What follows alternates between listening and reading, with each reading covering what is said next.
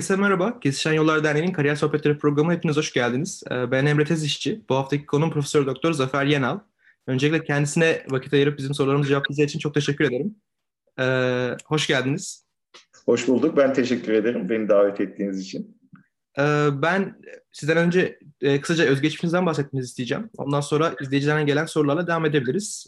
Siz özgeçmişinizi anlatırken e, sorusu olan arkadaşlar yandaki chat kısmına veyahut da yayının altındaki soru linkinde sorularını paylaşırsa ben sorularınızı canlı olarak iletiyor olacağım.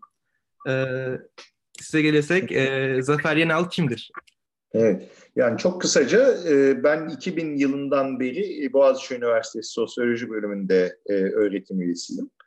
E, öncesinde de 1992'de başlayan bir doktora e, eğitimim oldu. Doktora derecemi Binghamton Üniversitesi'nde Amerika'da e, New York eyaletinde bir üniversitedir, bir e, kamu üniversitesidir. E, Birçok bir yerde kampüsü vardır. Onun Binghamton kampüsünü sosyoloji bölümünde aldım. E, öncesinde oraya gitmeden önce de Orta Doğu e, Teknik Üniversitesi ekonomi bölümünü bitirmiştim ve daha sonra siyaset bilimi bölümünde e, hem master e, çalışmalarına başlamıştım, master yapmaya başlamıştım. Bir yandan da asistanlık yapıyordum.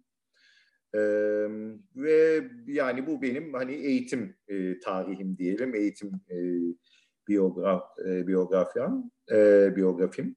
E, daha gene akademik anlamda bugün e, daha tarımdır, e, gıda üretimidir, tüketim sosyolojisidir, e, kalkınma e, sosyolojisi e, gibi alanlarda e, yoğunlaşmış vaziyetteyim. E, evet, yani çok kısaca böyle tanıtabilirim herhalde kendimi. Teşekkür ederim cevabınız için. Ee, ben sorulara geçmeden önce kendi merak ettiğim çok genel bir soruyla başlamak istiyorum. Sosyoloji deyince bizim ne anlamamız gerekiyor? Yani sosyolojiyi tanımlar mısınız? Sizin için sosyoloji nedir? Evet, sosyoloji aslında zor sorulardan bir tanesi bu. Sosyoloji bir meslek değil. Ee, ve sosyolojiyi tanımlamayı zorlaştıran bir, bir, önemli unsurlardan bir tanesi bu. Ee, hani e, işte mühendis olursanız, doktor olursanız vesaire ne, e, bir, şekilde profesyonel olarak mezun olduktan sonra bölümden ne yapacağınızı bilirsiniz.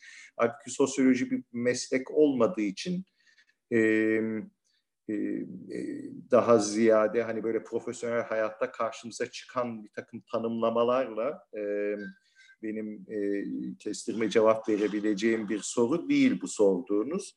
Sosyoloji e, dolayısıyla daha e, hani bugün üniversiteleri düşündüğümüz zaman e, akademik olarak e, e, çok e, nedir e, çok arada duran e, ve birçok farklı disiplinle aslında ilişkilenen bir e, e, düşünme biçimi diyeceğim, bir disiplin e, sosyoloji. E, ama en başta da bir düşünme biçimi. Biz en azından 101 dersinde, e, sosyolojiye giriş dersinde sosyoloji nedir e, cevabını bu şekilde veririz. E, dünyaya e, ve e, çevremizdeki e, e, sosyal ilişkilere e, bir e, perspektif e, katan e, ve bu perspektifle aslında dünyaya bakmamıza e, sağlayan e, evet bir e, düşünme biçimi ve bu düşünme biçimi aslında hep toplumsal olanı ön, ön plana çıkartmaya çalışıyor. E, biz genel olarak bütün dünyada sadece Türkiye'de değil hep dünyayı bu dünyada nerede olduğumuzu e, hangi okullara gittiğimizi örneğin hep kişisel hikayelerimiz üzerinden anlarız, anlatmaya çalışırız. Çok başarılı olmuşuzdur, e, çok çalışmışızdır.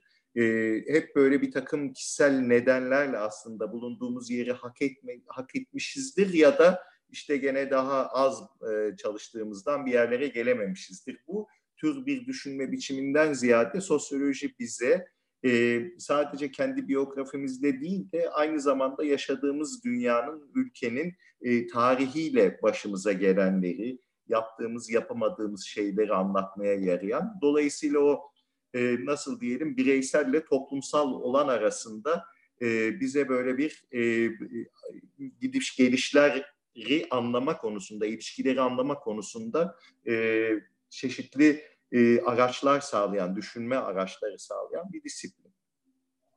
Teşekkürler cevabınız için.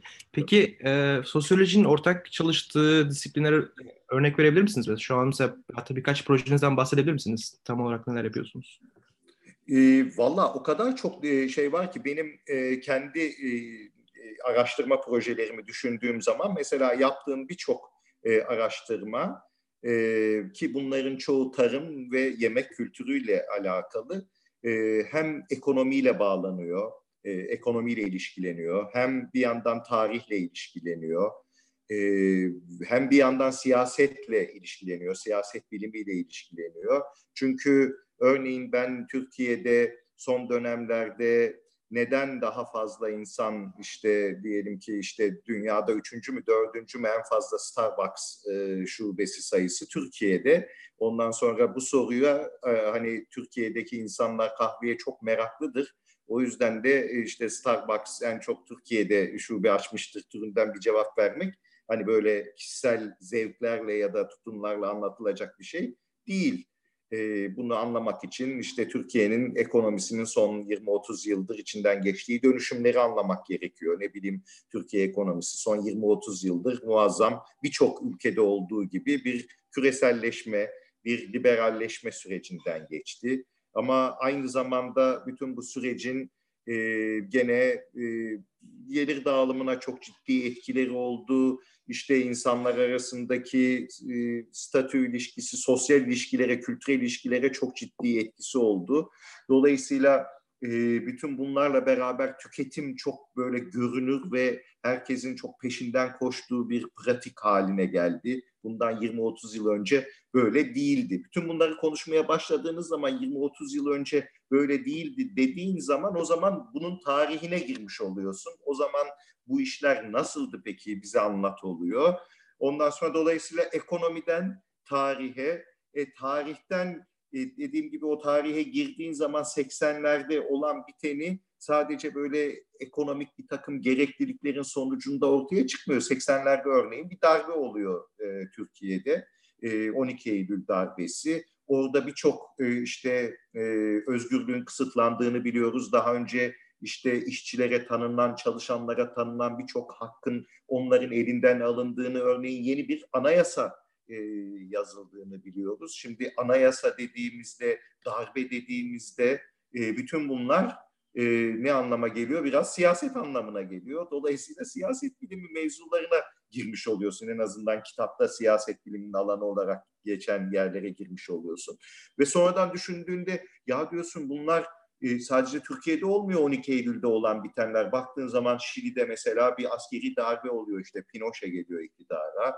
Ne bileyim Filipinler'de keza 1970'ler 80'ler öyle. E, Amerika'da Reagan işte e, İngiltere'de Thatcher bütün bunlar aslında böyle daha otoriteryen daha işte e, nasıl diyelim böyle pazarcı piyasacı ekonomileri e, şey yapan insanlar. Dolayısıyla olay sadece ulusal bir olay değil diyorsun. Bu demek ki küresel bir olay diyorsun. Orada hatta uluslararası ilişkiler diye bir alana başka türlü girmiş oluyorsun vesaire. Dolayısıyla bir Starbucks olayından e, en azından Starbucks'ın sadece bir böyle bir ekonomik dönüşümü e, getirdiği bir marka olarak Türkiye'ye hangi süreçlerden geçmiştir dediğin zaman bunu açıklamak ne oluyor? Yanında tarihi de gerektiriyor, ekonomiyi de gerektiriyor, siyaseti de gerektiriyor, uluslararası ilişkileri de gerektiriyor. Birçok farklı alanı da aslında kapsar hale geliyorsunuz. Ee, sanırım böyle bir e, disiplin. Yani hakikaten birçok alanla, birçok farklı e, disiplinle e, uzaktan yakından e, baktığınız konuya göre mesela antropoloji ile antropoloji sosyoloji neredeyse ikiz ikizler gibi ya da hani çok yakın akrabalıkları olan son dönemlerde e, şeyin içerisinden sosyolojinin içerisinden çıkmış e, disiplinler var. Coğrafya mesela e, efendim e, ne olur demografi olabilir, e, nüfus çalışmaları olabilir. Baktığımız zaman hani hakikaten böyle e, birçok farklı e, disiplinle e, özde, e, şey yapan, ilişkilenen bir e, disiplin sosyoloji. E, evet, e, benim de söylediğim gibi biyografimde yani hani bir ekonomi okumuş olmak efendim siyaset bilimine zamanında birazcık daha alaka duymuş olmak. Herhalde benim o sosyolojiye geçişimi de çok e, nedir böyle e, motive eden e, şeyler oldu, unsurlar oldu. Teşekkürler tekrardan cevabınız için. Ee, ben yine kendi bir sorum daha sormak istiyorum. Ee, öğrencilerden gelen sorulara geçmeden önce. Peki sosyolojisi, sosyoloji bölüm mezunun biri özel sektörde çalışabilir mi? Veyahut da sadece akademik mi çalışabiliyorlar yoksa özel sektörde nasıl, ne, ne gibi işler yapabiliyorlar? Valla e, özellikle son dönemlerde, son yıllarda Türkiye'nin e, gene içinden geçtiği toplumsal, ekonomik dönüşümler neticesinde aslında sosyoloji mezunlarının da hem Türkiye'nin hem dünyanın aslında geçirdiği dönüşümler neticesinde sosyolojinin e, sosyoloji da yapabileceği işlerin sayısında e, ve çeşitliliğinde önemli bir artış oldu benim görebildiğim kadarıyla. Çünkü e, son 15-20 yılda bütün dünyada Türkiye'de dahil olmak üzere hizmet sektörü çok büyüdü. Ve hizmet sektöründe çıkan hale geldi.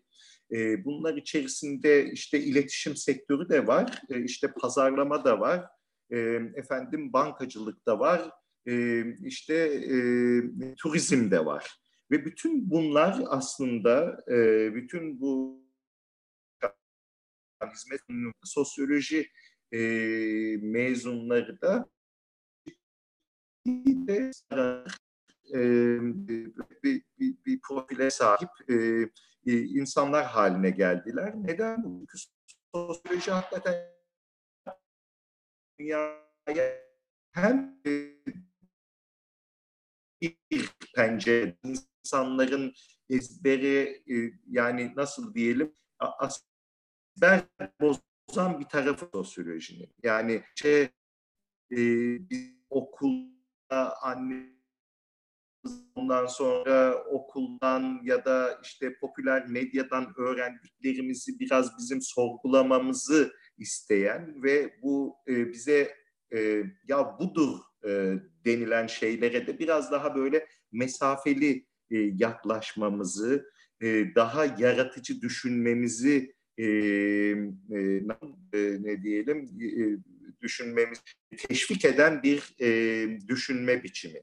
Dolayısıyla iyi bir sosyoloji e, mezunu e, başkalarıyla kıyaslandığında e, farklı sosyal bilimlerden ya da beşeri bilimlerden mezun olmuş daha farklı düşünebilir, daha yaratıcı düşünebilir ve son 15-20 yılın dünyası da biraz öyle bir dünya. Yani içimizden içinden geçtiğimiz hepimizin malumu aslında teknolojide çok ciddi değişimler oluyor. İşte ekonomik hayat şudur budur vesaire filan birçok açıdan aslında bugün ya nereden geldik, nereye gidiyoruz diye birçok insana soru sordurtan bir dönemden geçiyoruz. Öyle değil mi? Sosyal medya bundan 7-8 sene öncesine kadar neredeyse hiç kimsenin öyle çok bildiği bir şey değildi. Son 7-8 senedir acayip patlamış vaziyette ya da bilemediğiniz 10 senedir. E, ondan sonra ne bileyim işte kara delik falan birbiri konuşuyordu ama geçen işte fotoğrafını çektiler vesaire. Çin'in esamesi okunmuyordu ya da okunuyordu ama yani bu buralara geleceğini kimse kestiremiyordu. Birçok farklı alanda hakikaten insanlara böyle ya ne oluyoruz dedirten bir sürü şeyin olduğu bir dünyada yaşıyoruz. Gelişmenin olduğu bir dünyada yaşıyoruz. Böyle bir dünyada hakikaten yaratıcı düşünebilen, ondan sonra hani olan bitene e, biraz daha böyle e, nedir e, e, yaratıcı cevaplar verebilen, ezberin dışında e, e, düşünebilen insanların e, hakikaten daha fazla e, film yapabildiğini en azından hani değişime yön vermek anlamında, e, neyin nereden nasıl farklı olduğunu anlamak ve nereye gidilmesi gerektiğini insanlarla tartışmak etmek anlamında falan bir takım avantajları var.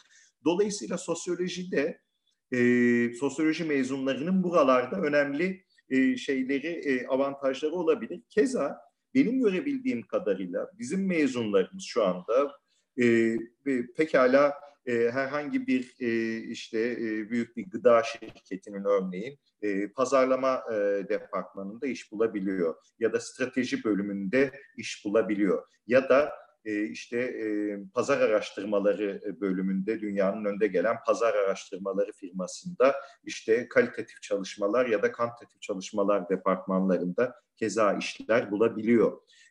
Efendim iletişimden bahsetmiştik. E, iletişimle beraber işte gazetecilik yapanlar çok fazla çünkü hakikaten e, sosyoloji mezunları dünyayı bilmek zorunda, tarih bilmek zorunda, ne oluyor ne bitiyor dünyada, e, Türkiye'de bunları iyi takip etmek zorunda iyi öğrenciler.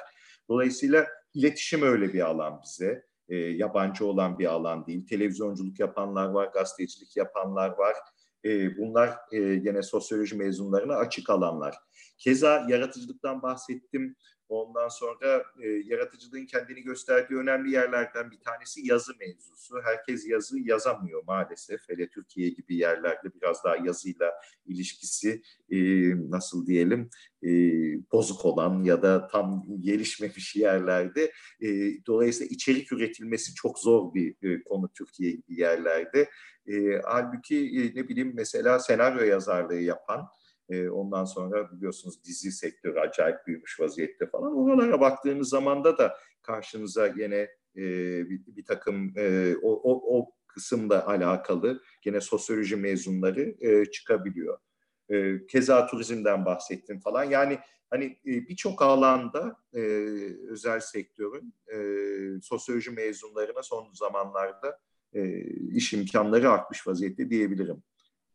Teşekkürler cevabınız için. Şimdi öğrencilerden gelen bir soru var. Ee, soru sosyoloji bölümü öğrencisi yurt dışına eğitim veya iş, iş için her zaman gidebiliyor mu? Veyahut da e, yurt dışında çalışma veyahut da yüksek lisans doktora yapma olasılıkları nasıl diye sormuş. Valla e, her zaman derken mezun olduktan sonra ya da bu sene e, Türkiye'de bir master programına e, bitirdikten sonra, kabul alıp bitirdikten sonra e, ben kendi bölümümden, e, kendi bölümümü daha iyi biliyorum tabii. Boğaziçi Üniversitesi o konuda da e, böyle şanslı iyi üniversitelerden bir tanesi. Bizim birçok mezunumuz işte biz 60 kişi alıyoruz senede de bir 60-70 kişi mezun ediyoruz. Bunların bir 15-20 tanesi üçte birlik ya da dörtte birlik, üçte bir ile dörtte birlik bir kısmı aslında akademik şeyi seçiyor, akademik kariyeri seçiyor.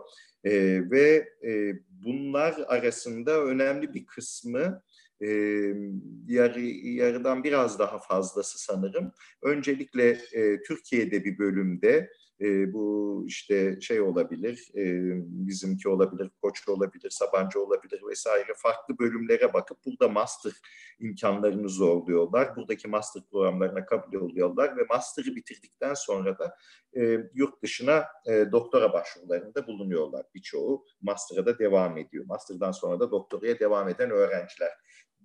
Bir kısmı da yani yarıdan biraz daha azı ise e, doğrudan yani bitirir bitirmez e, Hatta bunlar daha bile az diyebilirim. Doğrudan bitirir bitirmez e, e, yurt dışı e, master ya da doktora programlarına başvuruyor. Bunların önemli bir kısmı yani master'a başvuranların önemli bir kısmı Avrupa üniversitelerini tercih ediyor. Avrupa üniversitelerinde Almanya, Fransa, İngiltere buralarda daha doğrusu Almanya, Fransa özellikle hem daha master programları daha hesaplı olduğu için e, burayı tercih edenler var. İngiltere'de genelde burs bulma imkanı daha zor. Orası istense bile e, daha az sayıda öğrencinin gittiğini biliyorum.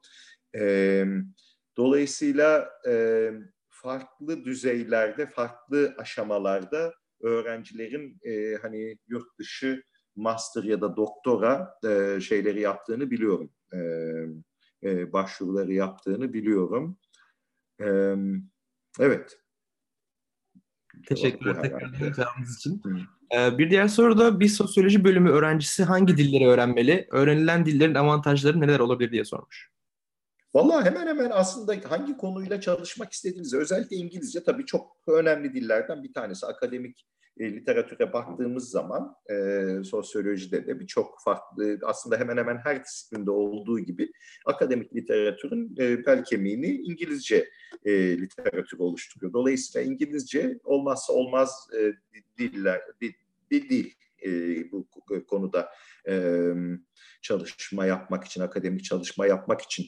Ama bununla birlikte çalışma konunuza göre ve çalıştığınız ülkenin e, ülkeye göre de farklı diller öğrenmeniz gerekebilir. Yani hani şöyle bir merakınız yoksa ben daha çok teori çalışacağım ve teori e, daha çok sosyal teori üzerine bir şeyler yapacağım. Eğer buysa o zaman hakikaten mesela genelde işte e, Almanca, Fransızca falan bir takım Avrupa dilleri daha tercih edilir. İşte Durkheim'ından Weber'ine, Weber'inden Marx'ına, e, Marx'ından e, Veblen'ine varıncaya kadar birçok sosyolog aslında işte ya Fransa ya Almanya e, ya da İngiltere e, şeyinden geçmiştir, e, ülkelerinden gelmiştir.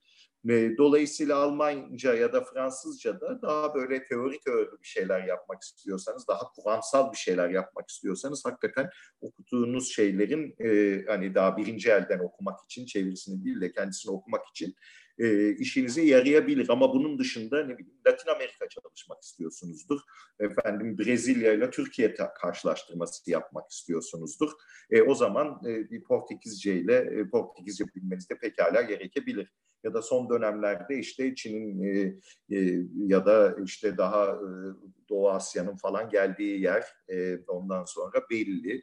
E, oralarda da e, hakikaten bir Çince bilmek, Japonca bilmek vesaire o toplumları e, daha yakından tanımak için, e, iyi tanıyabilmek için e, çok çok önemli bir şey oluyor. Yani dil demek aslında bir kültür demek ve e, o kültürü e, yani herhangi bir ülkeyi tanımak için de ve ülke üzerine çalışmak için de bence o ülkenin dilini öğrenmek çok çok önemli. Yani o ülkenin dilini bilmeden doğru düzgün bir sosyolojik ya da antropolojik ya da genel olarak sosyal bilimsel bir çalışma yapmanın ben aslında açıkçası çok mümkün olabileceğini düşünmüyorum. Çünkü e, o zaman hani gazetelerini okuyamayacaksınız, edebiyatını okuyamayacaksınız. Okuyamadığınız yerlerde hep tercümelerine müracaat edeceksiniz. O tercümelerde de hakikaten birçok e, lost in translation durumu olabilir. Arada kaybolmuş translation, translation sırasında, çeviri sırasında kaybolmuş e, bir sürü şey olabilir falan.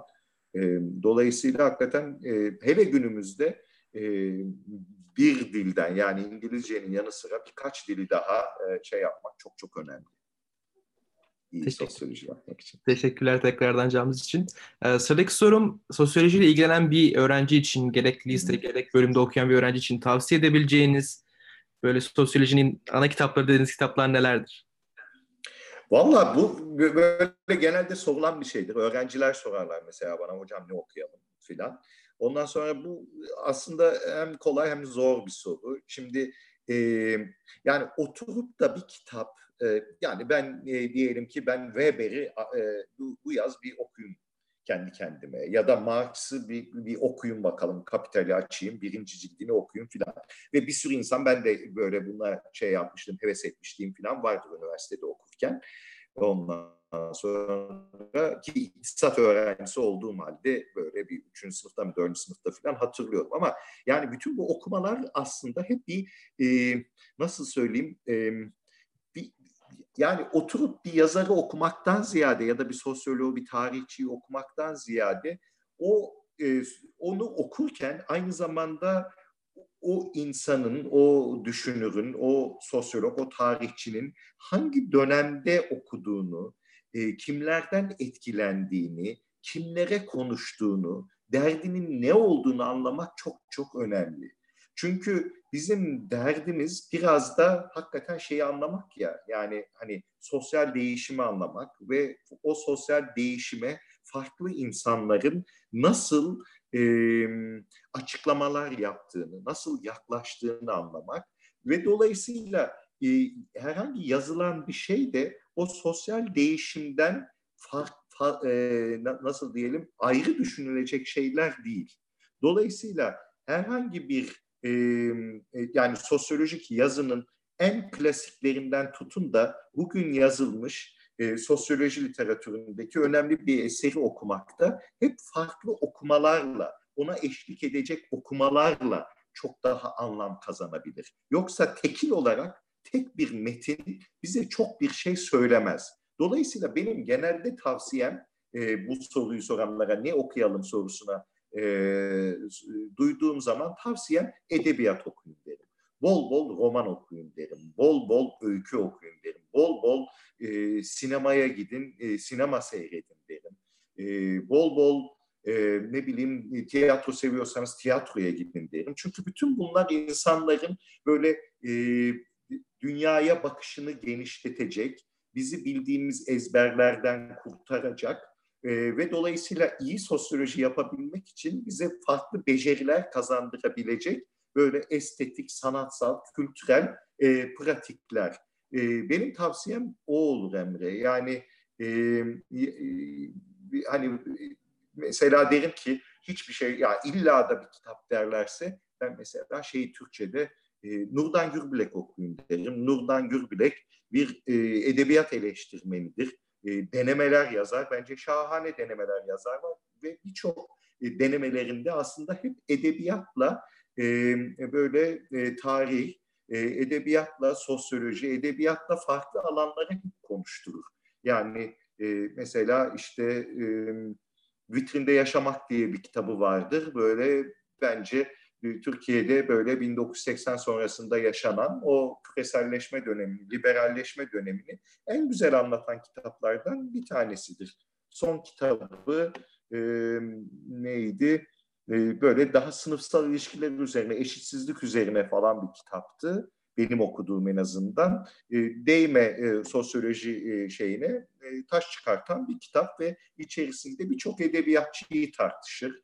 E, Dolayısıyla e, mesela bu tür yerlere gitmek lazım. Ahmet Hamdi Tanpınar okuyun derim. Oğuz Atay okuyun derim.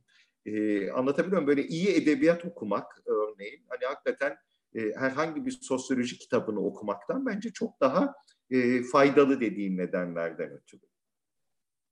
Teşekkür ederim tekrar cevabınız için.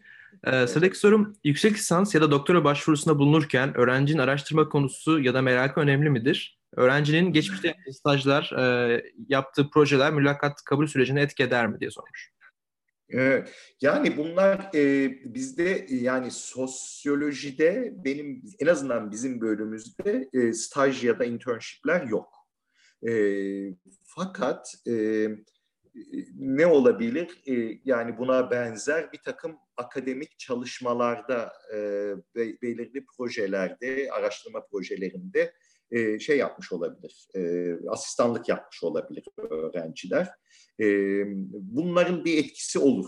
Yani hele bunlarda bu asistanlık döneminde başarılı olduysa, ne bileyim projenin sonuçlanmasında, projenin düzgün bir şekilde e, e, ilerlemesinde bir katkısı olduysa, iyi e, mutlaka bu projeyi yöneten hoca yazdığı referansta bundan bahseder ve dolayısıyla o referans mektubunun da e, okuyanlar tarafından e, bir e, daha fazla bir etkisi olur diyeceğim. Çünkü hani böyle daha herkes hakkında yazılan ezber e, böyle bir iki cümlenin yanı sıra ya da ezber bir iki cümleden ziyade o referans mektubunda bu araştırmadan bahsedilir. Bu araştırmaya o öğrencinin katkısından bahsedilir. Ve dolayısıyla hakikaten o başvuru sürecine de olumlu anlamda bu tür şeylerin e, katkısı oluyor denebilir. Çünkü e, Amerika'ya olsun, Avrupa'ya olsun hakikaten e, her yıl e, yüzlerce belki binlerce insan başvuruyor ve e, herhangi bir bölümde hakikaten onlarca başvuru alıyor ve bu onlarca başvurunun e, bir şekilde farklılaştıran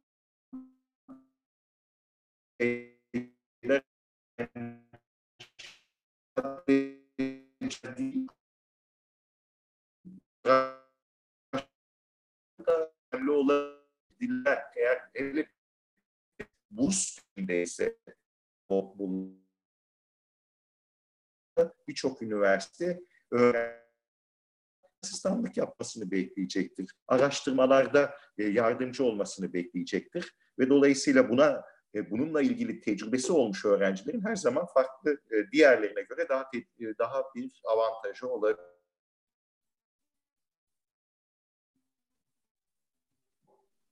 Tak- takıldınız ama şu an duyabiliyor musunuz beni? Evet, duyuyorum. Şu anda duyuyorum. Avantaj olabilir. Sen duyuyor musun? Daha duyabiliyorum. Ondan Tekrar takıldınız. Bir iki dakika. Şu an duyabiliyor musunuz? Alo ben duyamıyorum şimdi. Şu an ses 1 2. Nasıl?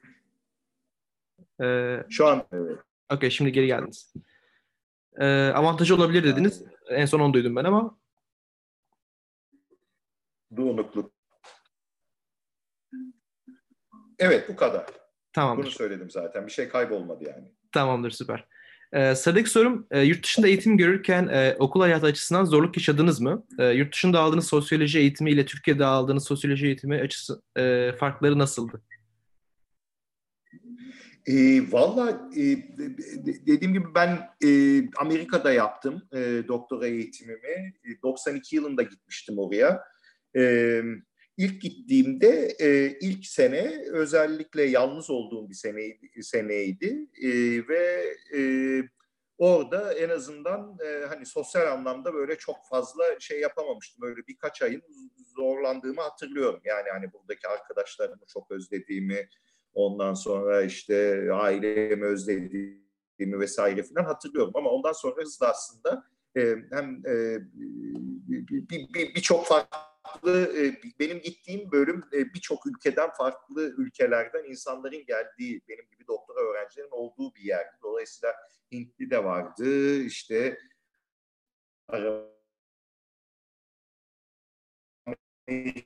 benim e, hani kısa zamanda e, birçok arkadaşım oldu farklı ülkelerden.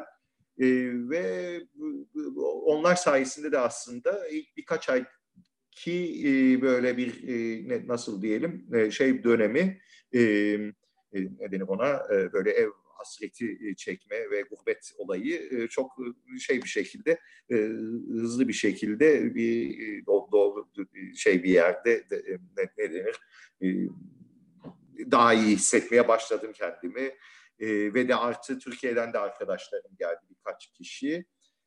Ondan sonra onlar da zaten yakın arkadaşlarımdı. Dolayısıyla öyle zorlandığımı hatırlamıyorum. Dersler dersleri takip etmek konusunda vesaire falan hani iletişim konusunda öyle muazzam bir zorlama olmadı. Amerika şey bir yerdir de. Yani hani ırkçılığı, milliyetçiliği vesaire filan olan bir yerdir. Yani birçok hani tarihsel olarak baktığımız yerde zaman. Ama bir yandan da özellikle o 90'lar e, 90'larda e, hani bu kadar e, hani Trump döneminde olduğu kadar e, böyle yabancı düşmanlığının ya da hadi yani ne diyeyim Meksikalılar dışarı onlar bunlar falan filan oralara henüz e, çok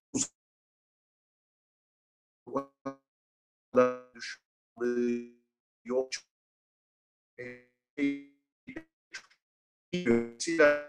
Hani e, Türkiye dediğin zaman ha filan deyip e, böyle yabancılara karşı da için küçük bir yer olmasına rağmen e, ve de hani daha küçük yerlerde bu daha biraz daha insanların muhafazakar olmasını bekleyebilirsiniz. Öyle çok bir şey yoktu. Hani böyle hissedildi benim hissettiğim en azından böyle bir e, dışlanma e, hiç yaşadığımı hatırlamıyorum. Ev bulmak konusunda ne bileyim bir bara gidersin bir e, işte restorana gidersin vesaire falan oradaki hizmet vesaire aldığın hani e, intiba falan hiç böyle olumsuz değildi. Ve dediğim gibi bölümde zaten çok fazla şey olduğu için yabancı olduğu için e, yabancı dediğim yani Amerika dışından insan olduğu için zaten çok şeydi herkes aynı koşullarda yaşıyordu filan.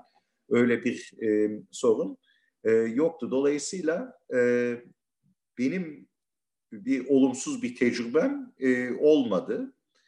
E, fakat bugünün dünyası daha farklı bir dünya tabii. Yani hem Avrupa'da hem Amerika'da e, böyle e, nasıl diyelim biraz daha böyle milliyetçi rüzgarların estiği, daha ekonomilerin olsun, toplumların olsun içine kapanma konusunda falan biraz daha e, daha meyilli oldukları, daha hevesli oldukları bir dünya bugünün şeysi, bugünün deneyimi yani yabancı bir ülkede doktora yapmak, master yapmak, çalışmak deneyimi eminim e, hani e, bir 20 yıl öncekine kıyasla daha farklı olabilir. Teşekkürler. Sorun devamı da şeydi aslında. E, Türkiye'deki sosyoloji eğitimiyle orada aldığınız sosyoloji eğitimini karşılaştırabilir misiniz? Ha, ha, ha. Evet o da vardı ama ben şöyle diyeyim yani ben sosyoloji okumadığım için Türkiye'de e, maalesef bunu kıyaslayamam ama kendi yaptığımız işlerden anlatabilirim. Yani Boğaziçi Üniversitesi'nde bizim verdiğimiz sosyoloji eğitimi Amerika'daki ya da Avrupa, daha çok Amerika'yı biliyorum, e, bir kısmen de Avrupa'yı. Buralardaki e, eğitimden çok farklı değil aslında. Yani e, şöyle, e, yani alınan e, derslerin çeşitliliğini düşündüğümde, Ondan sonra işte zaten e, kaynak olarak biz e, yüzde doksanı, 95'i e, İngilizce kaynaklar oluyor. Çünkü yaptığımız dersler İngilizce. E, insanlar e, şey yapıyorlar, e, yani öğrenciler e, yazdıkları ödevleri falan İngilizce yazıyorlar, projelerini İngilizce yazıyorlar.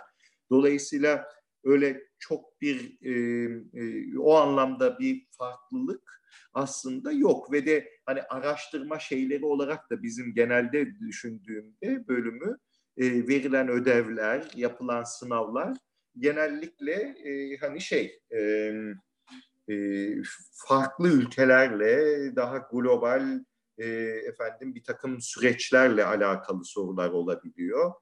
E, artı e, kullandığımız literatür İngilizce bir literatür e, ve de e, hani daha uluslararası e, bir e, literatürü şey yapıyoruz. Dolayısıyla hani e, Türkiye'deki özellikle ODTÜ'yü düşündüğüm zaman, e, Koç'u düşündüğüm zaman, Sabancı'yı düşündüğüm zaman, e, buradaki işte sosyal bilimler, sosyoloji vesaire filan, e, buralarda İngilizce konuşulan yerlerde. Dolayısıyla e, İngilizce eğitim yapılan yerlerde demek istiyorum. Öyle bir e, paralellik olduğu söylenebilir. Farklı sos ve dolayısıyla da e, hani e, buradan oraya gittiği zaman insanlar çok fazla bir e, uyum sorunu yaşamayabilirler.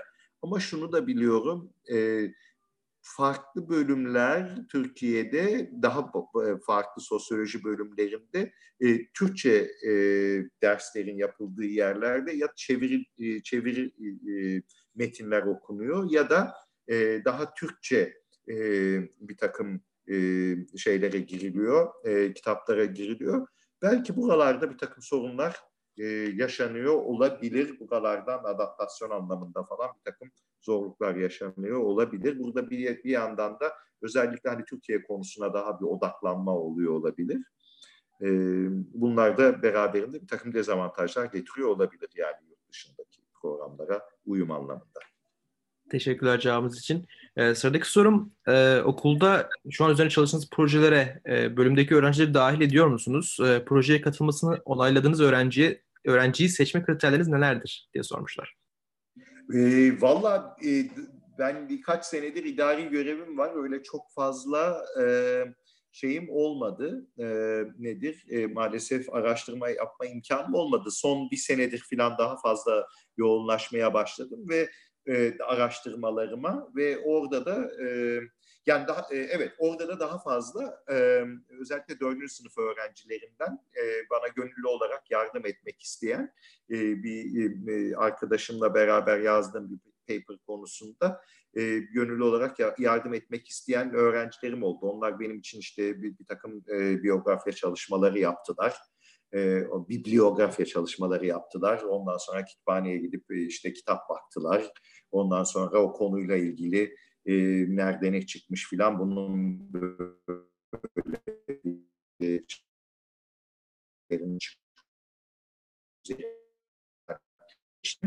e, öncesinde yani işte hatta bir yerlerden e, da, e, fon alıp da araştırma yaptığım zamanlar e, ne yapmıştım? O sıralarda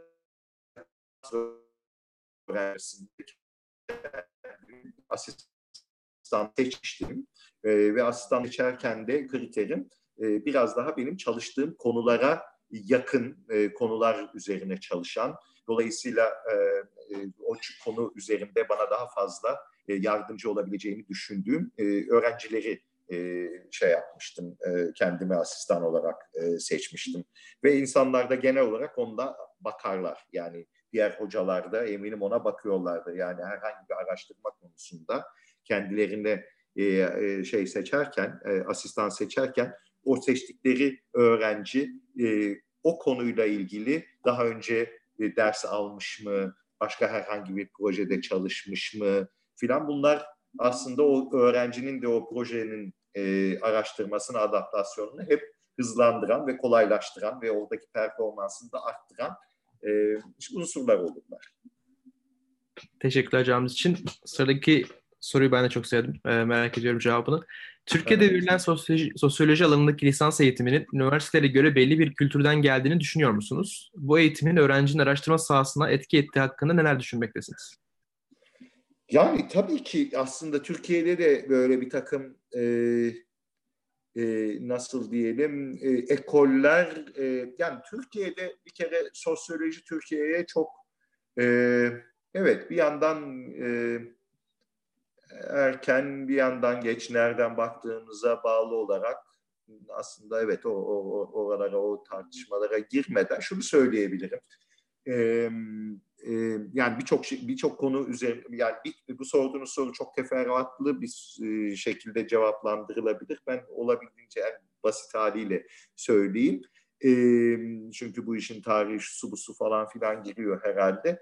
E, şu var yani e, evet okuldan okula yani üniversite üniversiteye e, fark edebilir. Ondan sonra ne bileyim e, bir boğaz işini düşündüğünüz zaman ya da bir koçu düşündüğünüz zaman biraz önce konuştuğumuz nedenlerle e, işte İngilizce eğitim vermesi, daha uluslararası bir literatürden e, bir şekilde e, kullanılması, derslerde e, e, öğrencilerin okuduğu vesaire biraz daha e, nasıl diyelim Amerikan ekolü demek doğru değil e, ama biraz daha uluslararası bir e, e, perspektiften e, gelen e, öğrencilerin, e, gelen hocaların olduğu bölümler bunlar. Ve e, biraz daha çalışma alanları itibariyle daha e, uluslararası literatürde, özellikle İngilizce literatürde e, ön plana çıkan, gündeme gelen, e, son zamanlarda daha çok tartışılan konulara aşinalık, e, bu konular üzerinde düşünme merakı ve bu konular ve bu sorular üzerinden e, yola çıkarak bir takım araştırmalara girme eğilimi bu tür üniversitelerde yani yani İngilizce eğitim veren üniversitelerde daha fazla olabilir, karşımıza çıkıyor olabilir ki üç aşağı beş yukarı bence durum bu günümüzde de. Ama öte yandan e, fark, daha çok Türkçe eğitim yapan okulları düşündüğümüz zaman, üniversiteleri düşündüğümüz zaman burada biraz daha Türkiye e, odaklı demek de yanlış olur da daha Türkiye kaynaklı bir e, literatürden esinlenmek ya da kendini daha bu literatürle sınırlı tutmaktan gelen biraz daha yerlici, biraz daha e, nasıl diyelim e, evet daha yerlici bir e, tutumun e, varlığından bahsedebiliriz. Ve bu anlamda da o kadar da uluslararasılaşmanın o kadar da hani e, böyle İngilizce bir e, literatüre aşinalığın e, bu tür okullarda Türkçe e, sosyoloji yapan okullarda daha sınırlı olduğundan bahsetmek mümkün herhalde. Çıktı mı bir şeyler? Bence güzel oldu. Eyvallah. Tamam. Sıradaki soru biraz uzun. Ee, hepsini okumaya çalışacağım. Ee, Çocukla sosyoloji okumuş birinden geliyor Boğaziçi'nden. Nerede? Sanırım Boğaziçi. Çünkü Boğaziçi ile ilgili sormuş.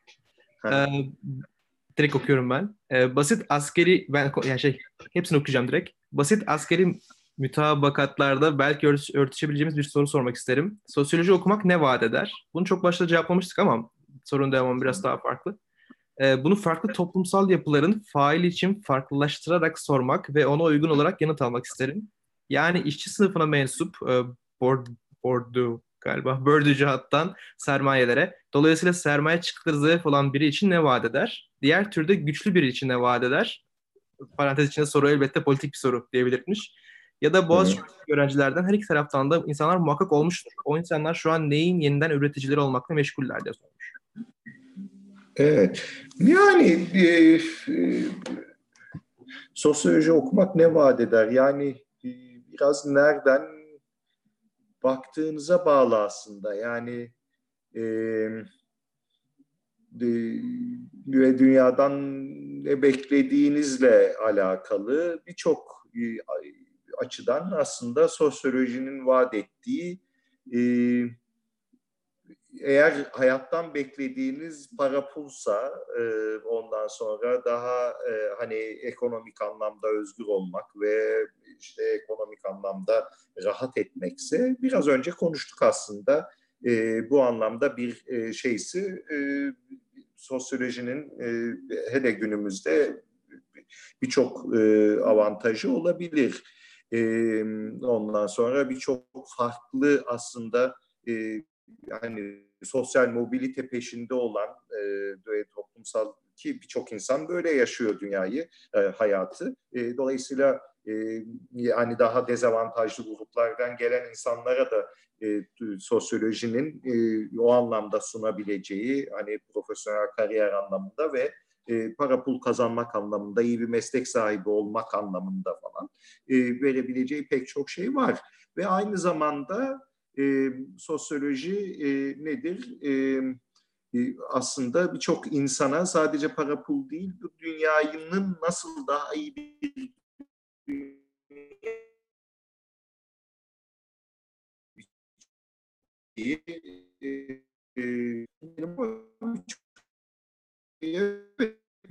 yani çünkü uğraşmak demek biraz insanların böyle hani rahat kendini rahat hissettiği alanın e, dışına çıkması demek. E, sadece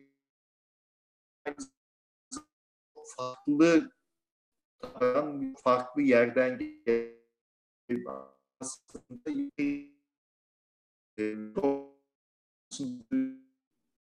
yani iyi bir sesim geliyor mu? Şu an e, tam Gitti tam iyi sesiniz dediniz düzeldi. Şu an düzeldi. İyi mi şöyle? Son Şu an... çıktı mı? çok az gidip geliyor ama benden kaynaklı mı yoksa genel olarak mı emin değilim. İzleyenler ıı, çete yazabilirlerse evet. şu an tekrar düzeldi sanırım. Düzeldi mi? Tamam süper. Şey diyordum yani bir yandan da hakikaten sosyal... Efendim? Ha, e, bir şu yandan da şey diyordum yani e, güzel süper.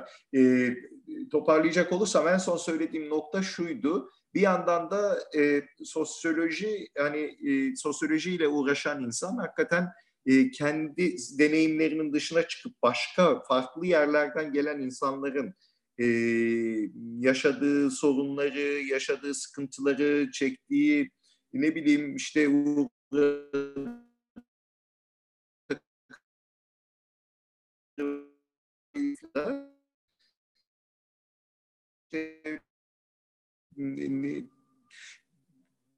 yani çok alanda e, toplumsal e, değişim anlamında ne yapılması e, ya da e, ne tür sorunlar yaşandığına dair bir farkındalığı birçoklarına göre çok daha e, rahat edinebilir. Ve bunun neticesinde de aslında hani sosyal değişimi olumlu anlamda e, etkileyebilecek e, hani soruda da vardı galiba bir e, e, nasıl diyelim bir faillik bir e, e, bu, bunu, bunu bu, bu, bu yönde e, bir, bir özne olma e, konusunda e, birçoklarına göre özne olmaktan da kastım hani bir şey yapıp etme konusunda bir şeyin hani e, nedir e, başını çekme anlamında falan e, bir faydası da e, olabilir öyle bir etkisi de olabilir dolayısıyla hani sosyolojinin gerek profesyonel e, hani e, şey anlamında e, e, e, kariyer anlamında bir yandan da daha işte sosyal değişimi olumlu anlamda zorlamak anlamında e, bir vaadi var diye düşünüyorum açıkçası. Teşekkürler tekrardan cevabınız için. Ee, sizi cevaplarken tekrardan cevap yazdım. Sosyoloji mezunuyum fakat Boğaziçi Üniversitesi değil. Ee, teşekkürler verimli cevap aldım demiş. Ee, bir diğer soru ise sosyoloji yapma prat pratiklerimizde e, hangi bilimsel disiplinlerle askeri temas gereklidir? E, alan bazlı bir öncelik listesi yaparsak hangi disiplinleri şemsiye altına alırız e, diye sormuş. e, Valla biraz önce en başında daha doğrusu söylediğim gibi bu e, şey e, farklı birçok disiplinle hakikaten e, Emre şey yapan e, ilişkilenen bir bölüm. E, yani ben özellikle mesela e, bizde de var birçok farklı üniversitede de var bu çift anadal e, programları. E, öğrenciler bana hangi e, dalla çift ana dal daha iyi olur ya da hangisini tavsiye edersiniz dedikleri zaman ben özellikle mesela tarihin altını çizerim. Özellikle ekonominin altını çizerim. Yani bütün bunlar hem tarih hem ekonomi, siyaset bilimi bunlar bizim e, hani e, bir, bir, bir, bir nasıl diyelim yani ciddi, çok faydalı etkileşimler olabilecek sosyolojiyle muazzam sinerjilerin çıkabileceği e, alanlar ve zaten iyi bir sosyolog demek hakikaten e, iyi bir e, aynı zamanda iyi, iyi tarih bilmesi de lazım. Dolayısıyla mesela tarih bence en e, şey alanlardan bir tanesi, en önemli alanlardan bir tanesi. Ama aynı zamanda ekonomide bir düşünme biçimidir, bir, e, bir, bir şey bir disiplin, önemli bir disiplin. E, bence oradan gidiş gelişler de çok çok önemli. Siyasette keza öyle. Bu üçü özellikle bana önemli. Söylüyorum ama yani, bu soruyu bir kişi daha sormuş. O yüzden sanırım yani merak edilen ve önemli bir soru. Ee, ek olarak başka bir şunu eklemiş. Yani tek, e, özetlemeye çalışayım uzun bir soru yine tekrardan. Ee, teknolojik gelişmeleri göz önünde bulundurarak diye parantez içine eklemiş başka biri de e, teknoloji Hı. ile sosyolojiyi nasıl birleştirebiliriz ve nasıl ortak çalışabilirler? Atıyorum e, belki ekonomiye biraz daha kayıyor ama bazı ülkelerde bu işte yapay zeka ve oton, otonomlaşmadan dolayı e, birçok insanın mesleğini kaybetmesi, yeni düzenler ortaya çıkması, işte herkese e, ortak maaş dağılımı tarzı konular konuşuluyor. Bunlar ekonominin evet. konusu mu, sosyolojinin konusu mu veyahut da teknolojiyle sosyoloji nasıl beraber çalışabilir? Bunun cevabını alabilirsek bence biraz daha Evet. Aslında sen, sen soru sorarken de ya da e, soruyu okuduysan o soruyu soran insan da zaten e, biraz oralara girmiş. E, yani hani daha makro bir düzeyde bakacak olursak bütün bu teknolojik e, de, değişimlerin, dönüşümlerin gittiği yer mesela bu e, e, Endüstri 4.0 çok konuşuluyor bugünlerde. İşte bu e, robotik e, işte yok machine learning mevzusu şunlar bunlar. Sanki böyle daha insansız bir e, işte Endüstri 4.0'da özellikle ne olacak şimdi filan. Birçok insan bu işte minimum şeyden bahsediyor ücretten bahsediyor Ondan sonra e, devletin e, çalışan çalışmayan ayrımı gözetmeden hani böyle verebileceği o tür tartışmalar başlamış vaziyette falan. Şunu unutmamak lazım yani herhangi bir de, de, teknolojik de, değişim kendi başına e, bir e, e, toplumsal e, sonuç doğurmaz, doğuramaz. Çünkü herhangi bir teknoloji belirli bir e, toplumsallık içerisinde kullanılır. E, Bununla da neyi kastediyorum? Yani e, elektrik elektrik bir yandan hani aydınlatmak için de kullanılabilir, işkence yapmak için de kullanılabilir.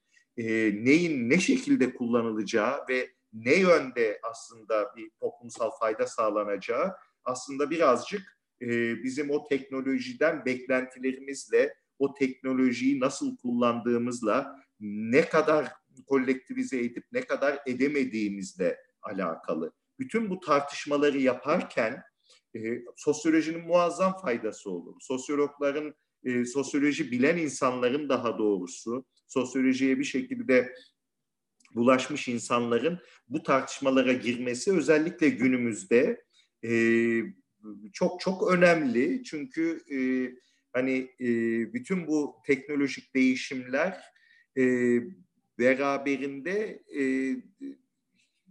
bir, bir, bir, bir takım önemli e, nedir e, toplumsal e, süreçlerle birlikte e, sonuçta ilerliyor. E, birisini bir yerinden ayırarak düşünmemiz çok çok mümkün değil.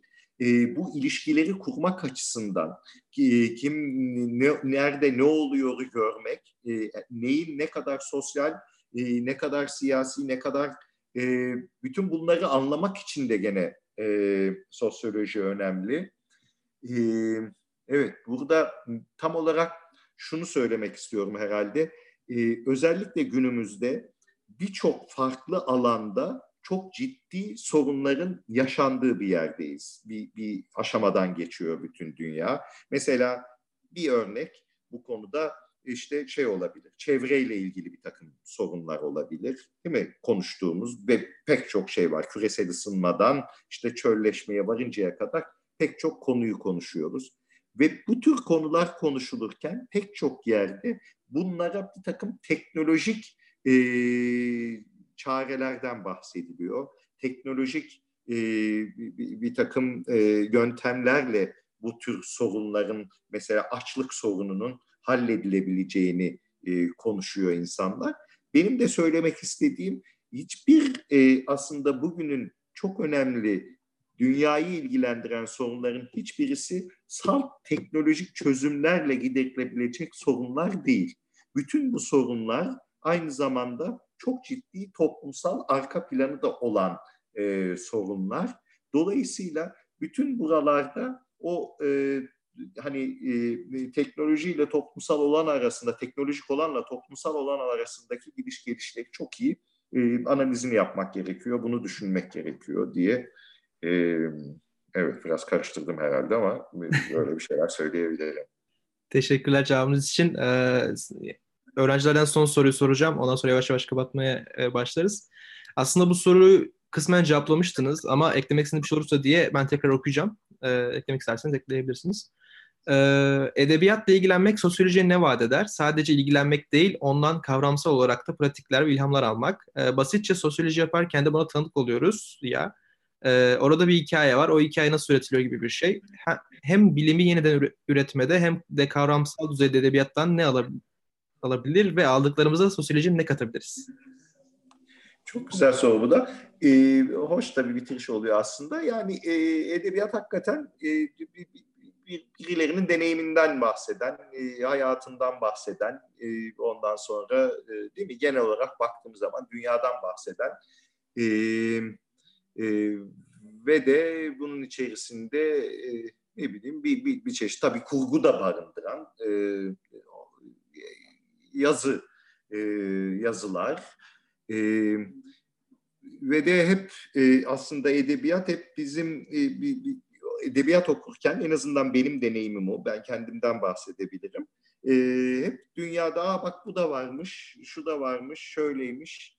E, yani beni bir yandan heyecanlandıran, bir yandan böyle meraklandıran, bir yandan e, ondan sonra duygulandıran, e, bazen kızdıran, bazen e, işte hani e, güldüren e, ve beni bulunduğum yeri e, hani bu, neredeysem e, ve e, neyi e, hangi zamanı yaşıyorsam birazcık onun dışına e, çıkartan böyle yegane e, okuma biçimi diyebilirim. Gazete okurken öyle olmazsınız ya da internetten e, ne bileyim bir haber sitesinde bir, bir şeye bakarken öyle olmazsınız. Hep bugüne dair ya da bir belgesel seyrederken falan e, hani özellikle daha sıradan belgesel demek istemem daha mainstream belgeseller, ana akım belgeseller falan hep seni e, bir, bir, bir, bir, bir, bir, bir zaman ve mekanla aslında sınırlandıran şeyler. Edebiyat ise böyle değil. İyi edebiyat hani hakikaten e, seni birazcık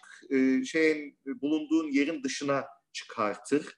Ondan sonra e, biraz seni e, şey yapar, e, ne yapar? Sarsar.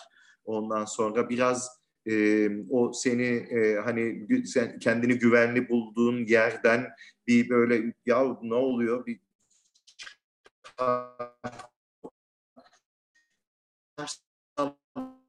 ondan sonra biraz diyelim e, seni e, e, zorlayan ondan sonra e, birazcık seni olduğun yerden çıkartan şeylerde hakikaten e, sosyolojiyi o anlamda e, sosyolojik düşünmeyi de aslında kolaylaştırmana da e, neden olan, başka dünyaları gündeme getiren e, edebiyatlar oluyor. O haliyle de e, edebiyat ve sosyoloji arasında hani hani akademik anlamda birçok gidiş geliş olabilir. Oralara hiç girmiyorum. Yani çünkü hani iyi bir e, işte bir Orhan Kemal okurken, bir Yaşar Kemal okurken ne bileyim işte bir Tanpınar dedim, bir Oğuz Atay dedim vesaire filan burada hani Tanpınar okuduğun zaman 40'ların 50'lerin ne bileyim 30'ların Türkiye'si işte Oğuz Atay okurken işte 70'lerin 80'lerin Türkiye'si bugün Orhan Pamuk okurken değil mi? Yani birçok farklı alanda birçok şeyi düşündürebilir hani sosyolojik sürece dair falan. Bütün bunların hani yanı sıra iyi, bu, tür akademik gidiş gelişlerin yanı sıra iyi edebiyat e, bizi iyi sosyoloji yapmaya da e, iten e, en önemli e, böyle e, şeylerden, kaynaklardan bir tanesidir diyebilirim. Çok teşekkürler. Aslında süremizin sonuna geldik ama 10 dakikanız daha varsa iki soru kaldı. Onları diletmek isterim ben. Tamam, memnuniyetle. Tamam olur Emre. Ee, sorulardan biri aslında yayının başlığı ve bu soruyu sormadık. Ee, o yüzden sormak istiyorum. Her şeyin sosyolojisi olur mu? Güzel. Ee, ben, ben hoşuma gitmişti bu şey. Her şeyin sosyolojisi bence olur.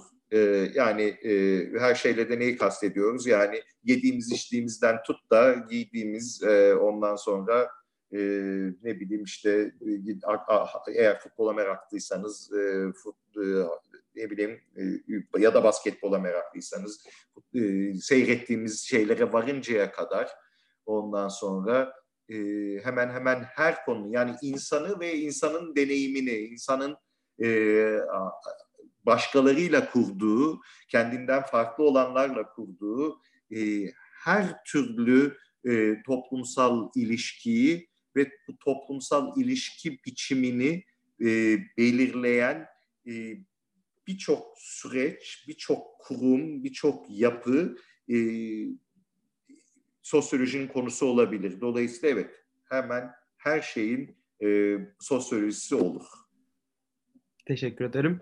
E, son sorum size genelde herkese soruyoruz bu soruyu. Sizin e, Türkiye'deki tüm öğrenciler için e, genel olarak tavsiyeleriniz nelerdir? Nelerle ilgilenmeleri, nelere ilgi duymalarını tavsiye edersiniz? Bu da çok genel bir soru. Çok geniş bir soru. Evet. Çok geniş bir soru. E, vallahi yine e, yine aynı şeyi söyleyeceğim herhalde. E, bol bol e, iyi e, kitap okumalarını, e, iyi edebiyat okumalarını, iyi e, film seyretmelerini, sinema çok çok önemli. Dünyaları çok ama sadece Hollywood filmleri seyretmek değil, sadece işte öyle çok gişe yapan filmler değil de e, ne bileyim bunun dışında da filmlere gitmek, bunun dışında da filmleri izlemek çok çok önemli. Daha az e, şey yapsınlar, e, e, cep telefonlarına baksınlar daha az e, sosyal medya şey olsunlar. Bugün bu yaşadıkları anla, yaşadıkları, konuştukları insanlarla vesaire filan onlarla daha fazla vakit geçirsinler. Artık biraz hani şeyin yanı sıra edebiyattır, filmdir vesairenin yanı sıra herhalde bugünün gençlerine söyleyeceğim en önemli şey e, o olur. E, zaman zaman e, şey yapsınlar, e, ne diye, ben mesela derslerimde öğrencilerime şeyleri kapattırıyorum tamamen. Ne artık son bir iki senedir önceden bu kadar radikal değildim. Diyorum mutlaka şeyi kapatın. E, cep telefonunuzu kapatın. E, ondan sonra iPad'lerine izin vermiyorum. Bilgisayarlarını da kapattırıyorum. Çoğu zaman elle not alın diyorum. E, bunlar bana çok çok önemli geliyor günümüzün dünyasında. Hakikaten e, e, birçok araştırma da zaten onu gösteriyor benim e, takip edebildiğim kadarıyla.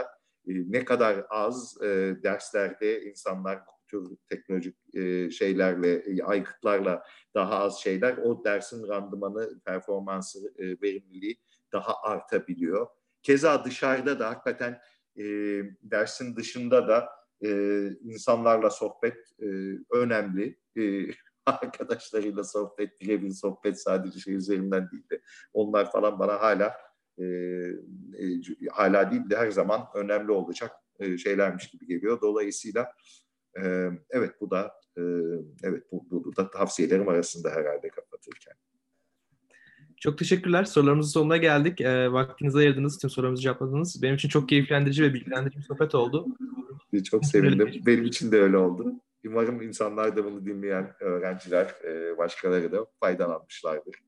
Umarım. E, haftaya yayınımızda görüşmek üzere. Herkese iyi akşamlar Türkiye'dekilere, yurt dışındakilere iyi günler. Kendinize iyi, iyi akşamlar, iyi günler. Hoşçakalın. Hoşçakalın.